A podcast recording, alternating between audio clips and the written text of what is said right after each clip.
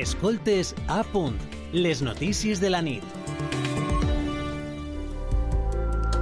I els ho acabem d'explicar i són testimonis eh, del soroll que inunda el nostre entorn diari, tant que de vegades som incapaços de poder viure en el silenci. Qualsevol aparell fa soroll i, si ens parem a pensar, podríem reduir eixa contaminació del que s'anomena el verí invisible Terrasses de locals d'oci, gimnasos, aparells d'aire condicionat, extractors, botellots i fins i tot el veïnat de les cases contigües.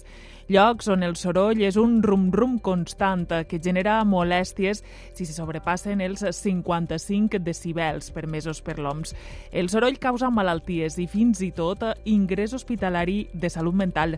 Per conèixer un poc més sobre este problema i com es pot evitar, esta vesprada parlem amb Jesús Alba. Ell és catedràtic de Física aplicada en la Universitat Politècnica de València i especialista en acústica. És un dels 15 consellers de la Societat Espanyola Acústica que avui estan posant la seva investigació i saviesa al servei de la ciutadania per a conscienciar contra el soroll.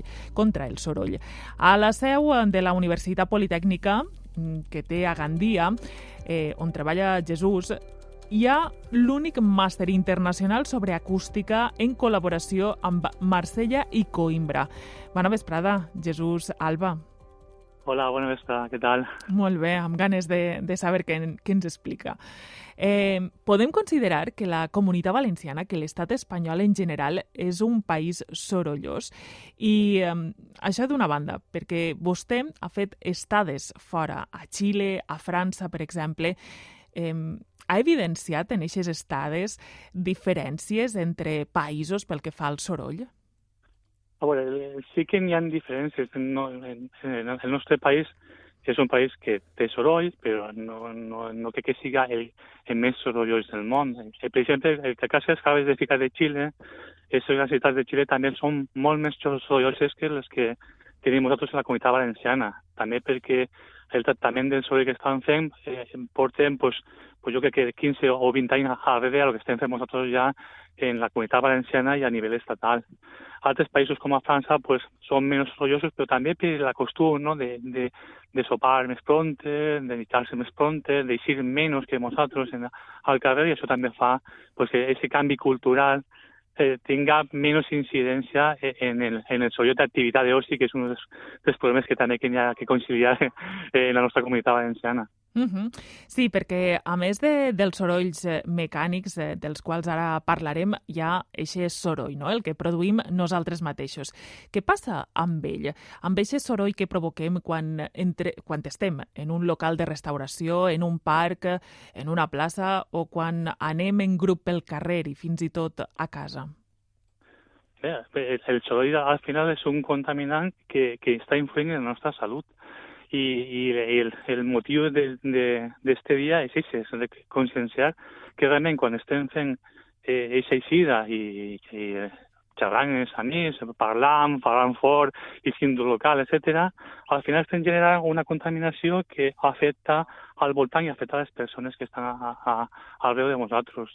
És un problema que, que, que nosaltres pensem o podem pensar que és només de, de pèrdua de, de, de la vida humana, però crec que avui en, en el noticiari de, de, dels dos uh, heu fet molt bé explicant que no, no és només una qüestió d'orella, sinó també és un problema de, de salut que té que veure l'estrès, que té que veure no poder dormir, té que veure en l'ansietat, té que veure eh, en la pèrdua de concentració, eh, inclús de nostres xiquets i xiquetes, eh, en un ambient sorollós. O sigui, té que veure en algo més que, que, que no són conscients, perquè clar, com no és una cosa concreta, no és un enemic a què jo puc dirigir-me directament, si no és algo com més pues costa de, de, de atacar-lo, no? Uh -huh. I, per exemple, en la fabricació d'aparells, de vehicles, s'ha evolucionat pel que fa a evitar el soroll? Perquè eh, pensem, no?, per exemple, en les taladradores, eh, sobretot de carrer, però també les que utilitzem a casa, no?, en els bufadors eh, que ara estan bastant de moda, no?, per a netejar eh, parcs i jardins eh, de, de fulles, en... Eh, en, en qualsevol altre aparell d'obra, no? que, que és molt, molt sorollós. Eh, hi ha evolució en aquest sentit? realment sí que hi ha evolució i n'hi ha evolucions en dos sentits. No? Uno, el tema de la eficiència energètica, l'altre, el tema de l'acústica. En el cas de, de... I sempre està primant-se moltes vegades l'eficiència energètica de, eh, eh, en funció de, de, de l'acústica. A veure, en la nostra casa ja tenim equips que fan menys sorolls que els que tenen antes. Eh, moltes, eh, el mateix un ordinador ha de passar per un laboratori com el nostre, les nostres càmeres, i ha d'assatjar-se que el soroll que fa complís una normativa quan estiga a l'altre costat. O això de, de, de les fulles que està esmentant fa un moment, pues, també ha de passar per un laboratori i comprovar quina potència de soroll està eixint de, de, de ese cacharro o de un secador de más que pueden, pueden trobarnos en un centre comercial. Tot això passa per un laboratori i té una etiqueta que diu la quantitat de soroll que fa. I si passa una quantitat de soroll, n'hi ha que avisar a la persona que va gastar-lo perquè millor li fa falta protectors auditius o eh, la persona que va gastar aquest secador ha de tindre la informació de que això li pot afectar directament a, a la seva salut. Uh -huh. eh, vostè forma part de la Societat Espanyola d'Acústica. De què s'ocupa exactament aquesta societat? Treballen perquè els fabricants intenten rebaixar aquest soroll que, que emeten els aparells, com estava explicant-nos, o mm, es dediquen a una altra qüestió o altres qüestions que, que ara ens explicarà?